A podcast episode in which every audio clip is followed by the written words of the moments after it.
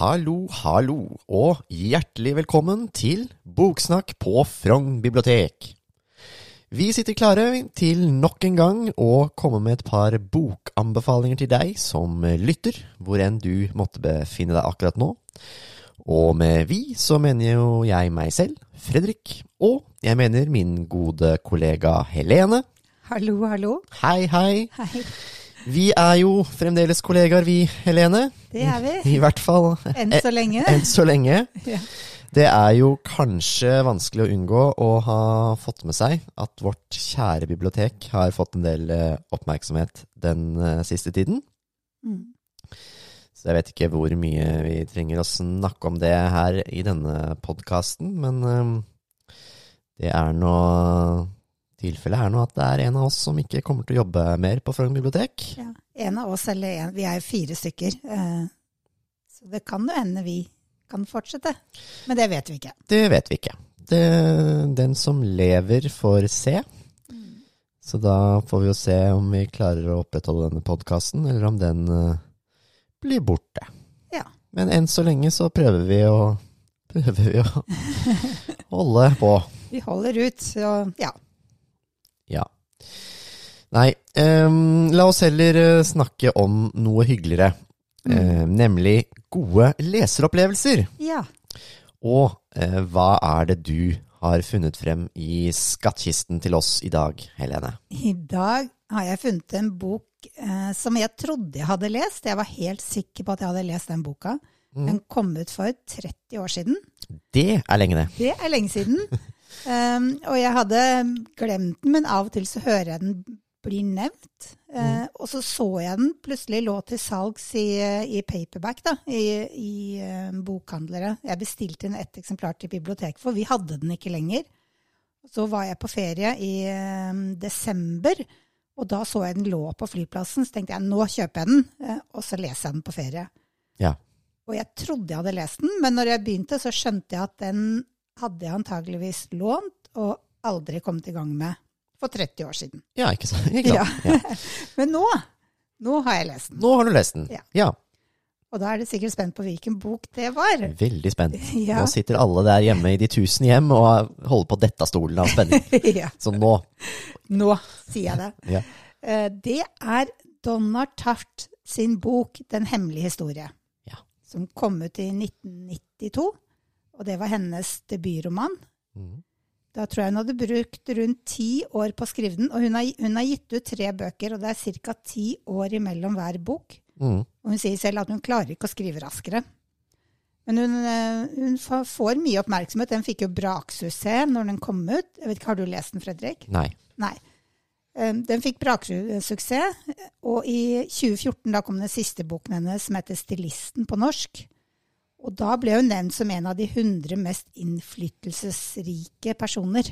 Mm. I, eh, nå husker jeg ikke hvilken avis det var, men det var i USA. Så hun eh, har gjort, hun gjør mye inntrykk på folk og på leserne sine. Mm. Jeg bare vil skyte inn før du fortsetter, for at, Mm. øh, hun var jo ikke så veldig gammel da den øh, kom ut. Nei, Eh, så, og hvis hun og hun brukte ti år på den, så må hun ha startet relativt øh, ung. mm. Hun var vel i 20-åra en plass? hun var 29 år når den kom ut. Ja. Så må hun ha startet som 19-åring, da. Ja. Og det er ganske tøft. Men det, men det stemmer jo bra med hva boka handler om òg, egentlig. ja da var hun i alderen på de som hun skrev om. Mm. Og den er eh, Ja, den, den har ikke gått ut på dato, men det kan jeg kanskje si litt mer om etterpå, da. Mm. Den er eh, gitt ut på 24 språk, og den er solgt i mer enn 5 millioner eksemplarer. Så den er godt lest, den boka der. Ja. Og den boken handler om Richard, som er fra California. Han kommer fra et sånn helt alminnelig middelklassehjem, med en far som eier en bensinstasjon, og en mor som er hjemmeværende. Og Kanskje en litt sånn trist og intetsigende barndom. Men så får han lyst til å studere, og han eh, vet ikke helt hva, men han ender opp med å søke på det gamle universitetet i Hampton i Vermont. Det er ganske forskjellig fra California. Så han reiser dit, eh, gjør, begynner å gjøre seg litt kjent i området, og oppdager Han ser en gruppe med fem personer som han syns ser innmari spennende ut. De ser eh, kule ut. De kler seg annerledes enn andre folk. De er bare de som sitter sammen hele tiden. Eh, noen av de går i sort, og så er det et tvillingpar, en gutt og en jente, som alltid er kledd i hvitt. Og han oppdager at de studerer klassisk gresk. Og det har han, eh, Richard også studert, så han får lyst til å være med i gruppa. Spør om han får lov til å være med og studere sammen med de. Men da får han først nei. Men så etter hvert så klarer han å komme seg inn i denne klassisk eh, gresk gruppen. Og professoren som er læreren deres, han er ikke hvem som helst. Han er eh, rik. Han tar ikke lønn for jobben sin. Han jobber gratis. Han har bare disse fem elevene. Og han eh, kjenner jo blant annet Woody Allen, så han eh, har bilder av kjente folk på kontoret sitt. Og han, når Rikard får lov å komme inn, så må han love at det eneste læreren han skal ha på universitetet der, det er gresklæreren. Og han skal ikke ha noen andre fag. Det var da snevert. Det var snevert, uh, men han blir med. Han syns det er kult uh, å være med i denne gjengen. Og de, disse andre fem, de, er, eh, de, kommer fra kanskje litt dysfunksjonelle familier. De er rike, uh, de har mye penger, de er spesielle. De er faglig flinke, diskuterer gjerne ting på gresk, men de er ikke så veldig interessert i hva som skjer rundt omkring i verden. Og de drikker mye, og de eksperimenterer med stoff og gamle greske ritualer. Og ja. Um, og det der, og for en som er utenforstående, alle kjenner jo på det når vi kommer inn et sted. Du har lyst til å bli kjent med noen, og så er det vanskelig å komme inn. Mm. Eh, alle kan kjenne seg litt i Richard når han endelig får lov til å komme inn. Da, da finner du deg i ganske mye. Eh, denne eh, boken er Noen kaller det en omvendt krim. Mm. Og det er Nå skal jeg lese første linja i boka.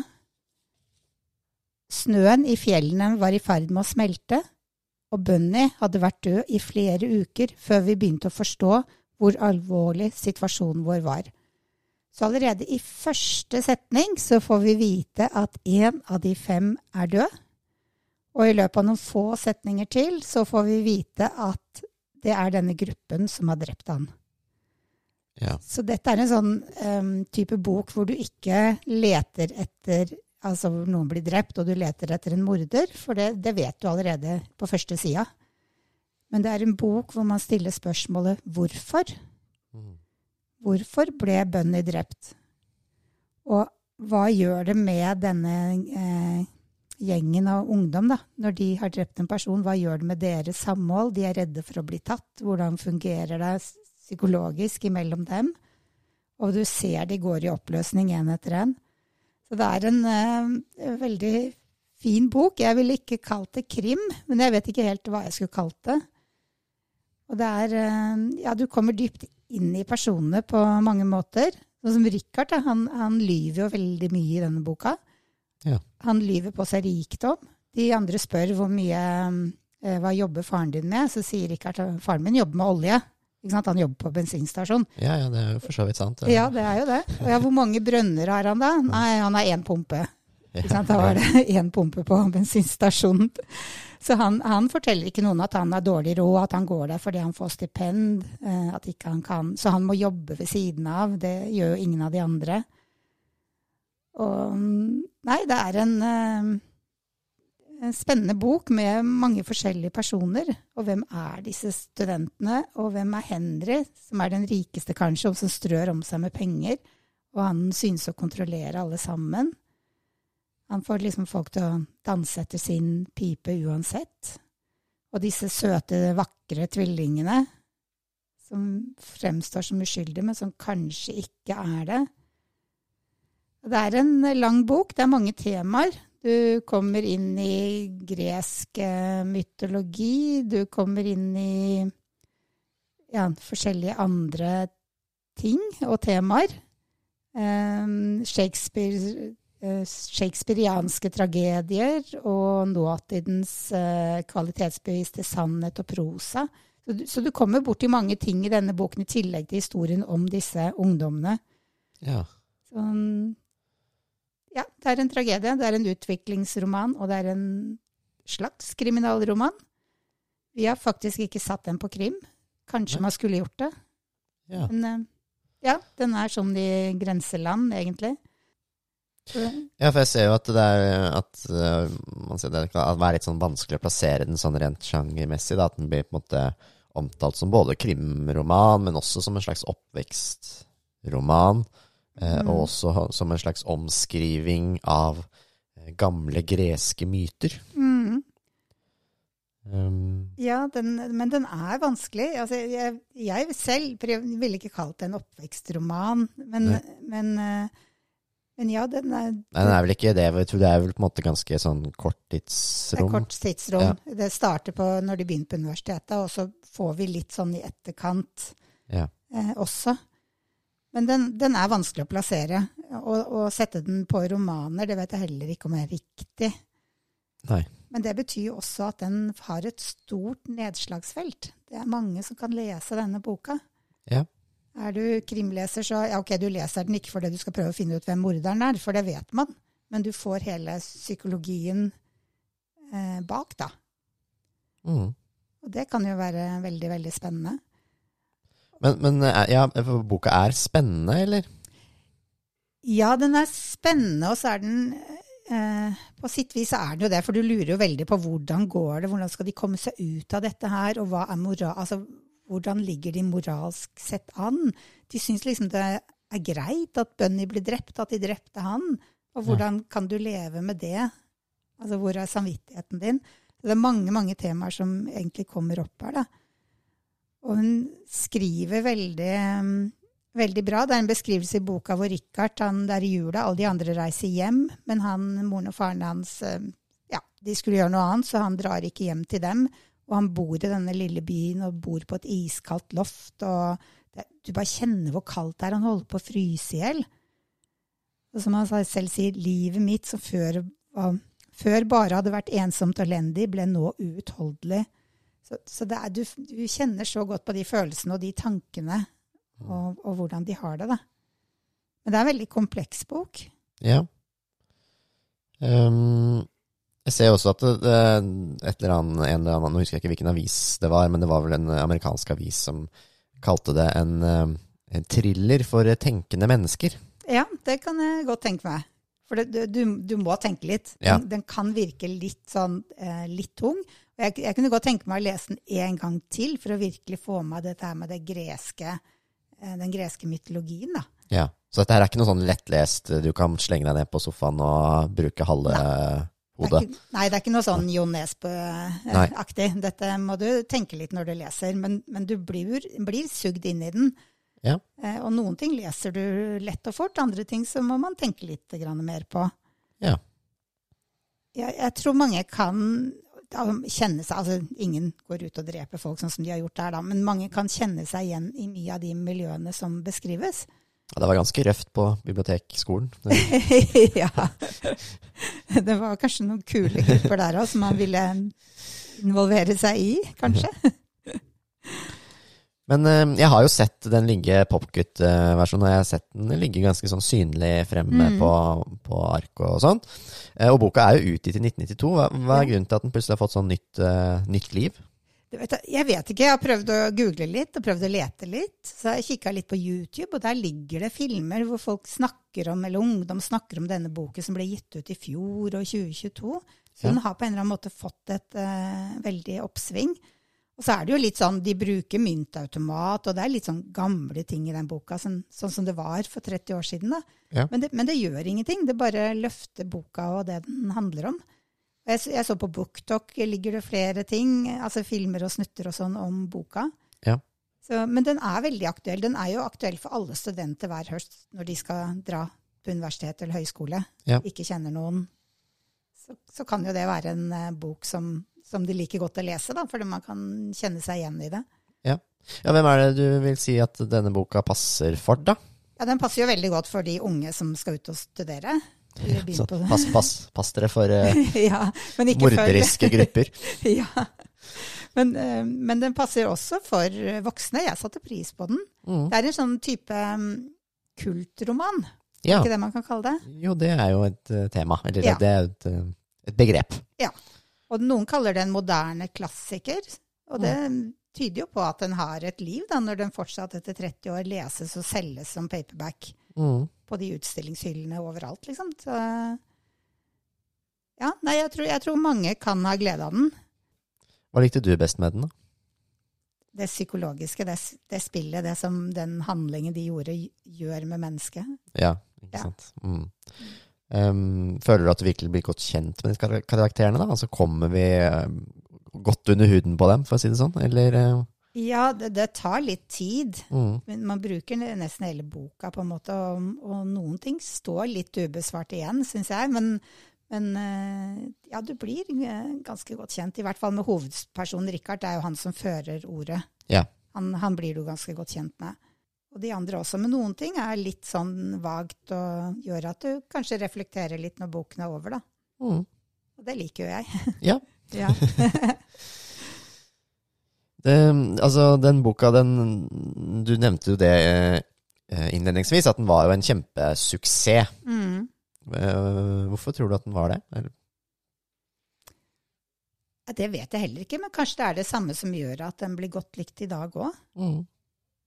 Det her med det miljøet, ungdommer, eh, den spesielle gruppen som, som driver med litt sånn Jeg vet ikke om du kan si okkulte, men som driver med litt rare ting, da. Ja. Som man kanskje andre går og undrer seg over. Og det at man kjenner seg igjen, på en måte.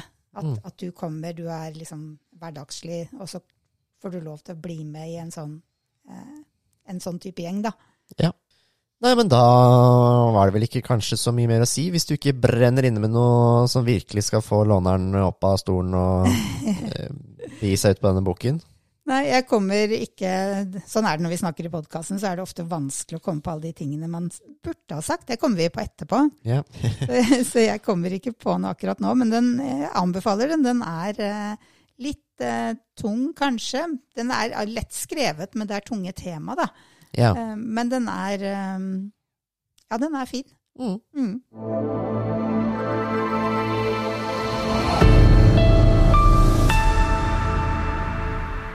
Ja, da var det min tur, da. Um, og jeg skal tilbake, jeg, til en forfatter som jeg jo til stadighet anbefaler bøker av. Så jeg beklager det, men eh, er man fan, så er man fan. Og da snakker jo jeg selvfølgelig om den gode, gamle ringreven, da, vet du. Ken Follett. Og han er jo en um, temmelig kjent forfatter, som jeg jo har nevnt uh, og snakket om her, uh, og anbefalt flere bøker på podkasten tidligere, så da trenger jeg ikke si så veldig mye om han. Men jeg kan jo gjenta at han er en britisk forfatter. Han er født i 1949 i Wales, men flyttet til London da han var ti år gammel. Og så er han jo da kjent for spenningsromaner, eh, og som regel ganske gode og tjukke historiske romaner. Og så slo han igjennom med spenningsboka, spionromanen, eh, Nålen, i 1978. Og så ga han eh, ut en ny bok nå i høst, i september, for å være enda mer presis. Og det er en historisk roman som er satt til dette Kingsbridge-universet. Eh, og den heter Lysets rustning, eh, og handler jo da blant annet om den industrielle revolusjonen og napoleonskrigene. Men det er jo ikke den jeg skal snakke om i dag, for den har jeg ikke rukket å lese ennå. Så får vi se om kanskje jeg kan anbefale den ved en senere anledning. Men boka jeg derimot skal snakke om, det er jo hans forrige bok, som kom ut høsten 2021. Den heter Aldri. Dette her var hans eh, første samtidsroman på over et tiår. Eh, Dagbladet de kalte den eh, skremmende realistisk, og så rullet de en femmer på terningen. Og om den var skremmende realistisk i 2021, så vil jeg jo si at den er jo enda mer realistisk og aktuell i dag. Og i boka så skriver Follett at alle katastrofer begynner med et lite problem som ikke blir løst. Katrine Krøger hun skrev følgende i sin anmeldelse. Dette stort anlagte plottet viser hvordan grunnleggende og egentlig banal psykologi kan ligge til grunn for fatale internasjonale kriser, og i verste fall storkrig. Og i denne boka, um, Aldri, så møter vi nemlig en global krise som er i ferd med å lede til utbruddet av tredje verdenskrig. Så ikke direkte oppmuntrende, altså. Og i kjent uh, Follett-stil så følger vi flere parallelle historier. Vi møter den amerikanske presidenten Pauline Green. Hun er moderat republikaner Eh, og har jo litt og hvert å stri med. Eh, først og fremst sin populistiske erkemotstander i det republikanske partiet. En eh, sånn vulgær cowboytype ved navn James Moore. Og han kan jo kanskje minne en del om en kjent kar fra virkeligheten som roter rundt i amerikansk politikk. Og da i tillegg eh, sin opprørske tenåringsdatter, et skrantende ekteskap, og ikke minst jihadister i Nord-Afrika som dreper amerikanere i et terrorangrep, samt et noe ustabilt Nord-Korea. Så litt av hvert å stri med der, altså. Så møter vi den eh, hyperintelligente kinesiske viseministeren for utenriksetterretning, Shang Kai. Og han er sønn av um, en av kommunistveteranene som er solid militær og politisk bakgrunn, sånn helt tilbake fra uh, Maos tid. Og Kai han er jo da derimot ikke så konservativ, eh, konservativ eller krigersk, sånn som faren og hans venner. Og Kai han mener jo da at Kina må finne sin vei uten at det blir militær konfrontasjon mellom stormaktene. Så der er det duka for litt sånn dragkamp og storpolitisk spill, også innad da i maktens korridorer i Beijing. Og så møter vi CIA-agenten Tamara. Eh, hun jobber på den amerikanske ambassaden i Tsjad i Afrika, eh, hvor hun som etterretningsoffiser samler eh, informasjon om IS. Og i tillegg så er vi innom noen flere også, som for eksempel CIA-agenten Abdul, han er ute i felten i Stor-Sahara, blant annet undercover blant eh, menneskesmuglere og håpefulle flyktninger, som da prøver å ta seg til Europa. Og alle disse her de involveres jo da i et storpolitisk, psykologisk spill som utvikler seg i en mildt sagt skremmende retning.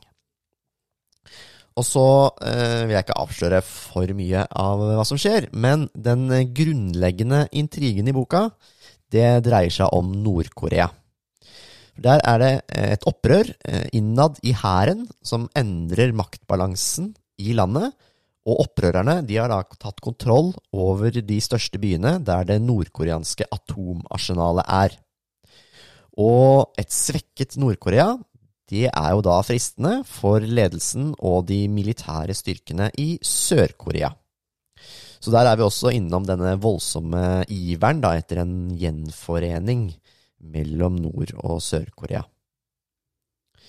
Og så er det mye, så vidt i hvert fall jeg kan oppfatte, um, autentiske detaljer. Ken Follett han er jo en forfatter som liker å ha både faktaene og detaljene sine på det tørre. Og vi flyttes jo rundt fra den glovarme Sahara-ørkenen til de innerste maktkamrene i verdens store hovedsteder. Så om det ikke høres forlokkende ut, så vet ikke jeg. Og så har jo eh, Ken Follett han har sagt at som bakgrunn for, for boka eh, At da han gjorde research til boka eh, Kjempenes fall, som er første bind i denne århundretrilogien hans, for de som uh, kjenner til den, ble han sjokkert over å innse at første verdenskrig var en krig ingen ønsket. Og han sier følgende Ingen europeiske ledere på noen side hadde til hensikt at den skulle inntreffe. Men keisere og statsministre, én etter én, tok avgjørelser, logiske, moderate beslutninger, som hver for seg brakte oss ett lite skritt nærmere den mest forferdelige konflikten verden noensinne hadde kjent til. Jeg tenkte egentlig at det hele var en tragisk ulykke, og jeg lurte på, kan det skje igjen? Kan det det? Da må du lese boka, da. ja. Uh, syns du boka ble for lang, forresten, eller er den akkurat passe? Um, ja, altså som, ja, som jeg nevnte innledningsvis, da, så er jo jeg en uh, Ken Follett-fan. Jeg syns han er en fantastisk uh, forteller. Uh, jeg storkoste meg med denne boka. Og så, eh, ja, Det er, det er riktignok en, en liten stund siden jeg leste den nå. Eh, og boka er jo ganske tjukk. Det kan være litt sånn avskrekkende når du ser den. Eh, men her flyr sidene av eh, sted, altså. Mm. Så, så jeg oppfatter den ikke på noen måte som, som lang, egentlig, eller uoverkommelig på noen som helst måte. Det er jo masse driv, det er god, effektiv historiefortelling. Så jeg kan sammenligne litt med sånn når du ser en veldig spennende TV-serie da, Mm. som, som man liker, og så må man bare se én episode til, og så én episode til. Ja. Og så har man plutselig sittet i ti timer og sett hele sesongen. skikkelig page-turner. Ja, jeg, jeg vil uh, påstå det. Ja, jeg har jo faktisk lest den selv. Ja, jeg du har jo som ikke pleier å lese sånne bøker. Jeg har ikke lest så mye av Ken Follett Nei. før, det Uh, men jeg kan heller ikke huske at jeg syns den var for lang. Nei. Og at du ble drevet med. Mm. Og det, det at den er helt superaktuell, det er jeg helt enig i. Den er jo det. Altså, det, er, eh, det er skummelt å se på det, egentlig hvor lite som skal til før det går fullstendig i Ja. dass med alt. ja. Huff a meg. Burde den vært pensum for politikere, kanskje? Men hva med Trump, eksempel? En julegave. Ja. Jo, han burde sikkert absolutt lest den, men jeg tviler på at han noensinne i sitt liv har lest en bok. Så, så jeg, tror ikke, jeg tror ikke han kommer til å starte med denne. Nei, kanskje ikke. Men du syns den var troverdig? Altså karakterene som blir beskrevet, de kunne ha vært virkelige? Um, ja. Um, så vi, vi blir jo kjent med, med fine karakterer. Man blir veldig glad i, i I hvert fall jeg blir ofte veldig glad i Ken Follett sine karakterer. Mm. Um, men det som eh, ofte skjer, da, sånn dessverre, i, i, i romanene hans, det er at de, de blir litt endimensjonale. Mm. Um, men, så, men så tenker jeg litt sånn også Shit au! La gå. Ja, gjør det nå. nå? nei, det, det, jeg, jeg føler at det er liksom ingen stor krise, og det fungerer så godt. Så da så, så da kjøper jeg liksom karakterene uansett, jeg. Så, Mm. så, så, ja, og, jeg, og jeg liker dem. Ja, så bra. Mm. Mm. Hvem syns du boka passer for deg?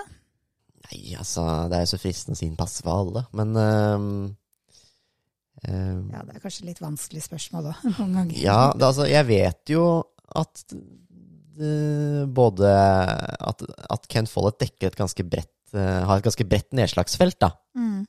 Her har vi både eh, eldre og yngre damer, og, og yngre og godt, godt, godt voksne menn som, Mm. som leser Ken Follett. Så det er, eh, så det er eh, ikke noe sånn konkrete folk som, som Eller konkret, type folk som, som leser Ken Follett.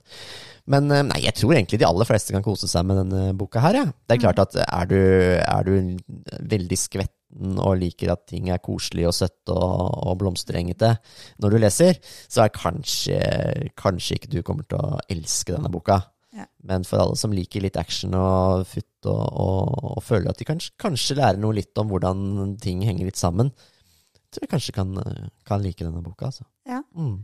Jeg, jeg kan jo være enig i det, og den, den er litt skummel, sånn som du sier, den er superaktuell. Mm. Det, det er, som man beskriver i den boka, kan jo faktisk skje. Ja. Ja, du eh, får, får veldig sånn følelsen av at, at fullstendig at alt går eh, ad undas. Det er på en måte egentlig bare et, et lite steinkast unna mm, hele tiden. Ja. Eh, og jeg tror kanskje det er litt sånn i virkeligheten òg. det kan hende. Jeg, jeg satt og tenkte litt på tittelen, jeg. mm, Det har ikke vi snakket om egentlig, men hva, hva står aldri for? det er for alt som aldri må skje. Ja. Mm, Eh, det er det det betyr. Ja. Mm. det kunne jeg gjette, men da Ja. fikk jeg det bekrefta Ja. fra deg. Eh, og så er det jo ikke bare maktspill og krig eh, heller, da. Altså, det er jo litt kjærlighet òg. Mm, Eh, og Follett han har jo ofte fått litt kritikk for å ha litt, eh, hva skal man si, litt eh, kleine eh, elskovsscener. ja. Er det det her òg? Det er det jo litt av her òg, men, eh, men det er bedre enn enkelte episoder i tidligere bøker. Så han kanskje roet seg litt på eldre dager. Selv om jeg vet at han har fått litt kritikk for det i den nyeste boka. Okay. sto i hvert fall i, i den ene anmeldelsen jeg leste, at uh, den var litt slibrig. Da må vi kanskje lese for å sjekke det. Da. Ja, får dobbeltsjekke det. Men, eh, men i hvert fall, jeg, jeg, jeg syns det var helt greit i denne boka. Det var ikke noe sånn uh, Ja. mm, ja. Og jeg tenker det kan være fint å ha med litt sånne ting òg, for det også er jo en del av livet vårt. Det her med kjærlighet og, ja da. Og gjør den litt mykere, kanskje. Absolutt. Og det gir jo, gir jo litt mer eh, kontraster inn i, inn i inn i historien og i, til karakterene. Da? Altså, vi har det veldig veldig store, Mm. eh, verdenen, og så har vi det veldig måte intime Ja. eh, også, da. Ja. Men um, Og det viser jo bare at de som driver med storpolitikk, altså storpolitikerne, de er jo bare mennesker, de òg. ja da, og det er vi, hun eh, som, som jeg nevnte, så er jo hun eh, den amerikanske presidenten, da. Hun er jo en kvinne i denne boken, eh, og eh, sliter jo med ekteskapet. Mm. Eh, Så, og, og en tenåringsdatter. Så vi Ja. blir jo også på en måte få innblikk i, i, i deres intime sfære, da. Ja. Uh, Og det er jo sånn som mange andre sliter med. Ja. man- Ja da, Så det gjør det mer kanskje troverdig også. absolutt. Ja. Men eh, ja, nei, rett og slett egentlig en eh, skikkelig fartsfylt bok med masse innhold. Her er masse, masse å, å kose seg og leke eller å kose seg med her. Mm. Så ja, det er egentlig bare å sette seg godt til rette og starte på side én. Ja, jeg kan, jeg kan skrive under på den, Fredrik, for jeg Ja. har jo også lest den. Ja, Det har du. Ja. Og det, jeg mener å huske at du sa at du likte den. Ja, jeg gjorde, jeg gjorde det. Det er bra. Nei, men eh, det var vel det vi hadde for i dag. Eh, Så har vi jo litt arrangementer på biblioteket fremover, men eh, med tanke på det at biblioteket går igjennom litt turbulente tider, så er det veldig usikkert eh, hva vi klarer å gjennomføre. Så vi, går litt sånn dag til dag, eller uke til uke her. Så vi anbefaler egentlig alle å følge med på enten på våre Facebook-sider eller på nettsiden vår, for der prøver vi å holde det sånn noenlunde oppdatert på hva som, på hva som skjer. Da tror jeg egentlig det bare gjenstår å si takk for i dag. Takk for Ja. at du hørte på, og så satser vi på at vi høres igjen. Det gjør vi. Ha det bra. Ha det bra. Ha det.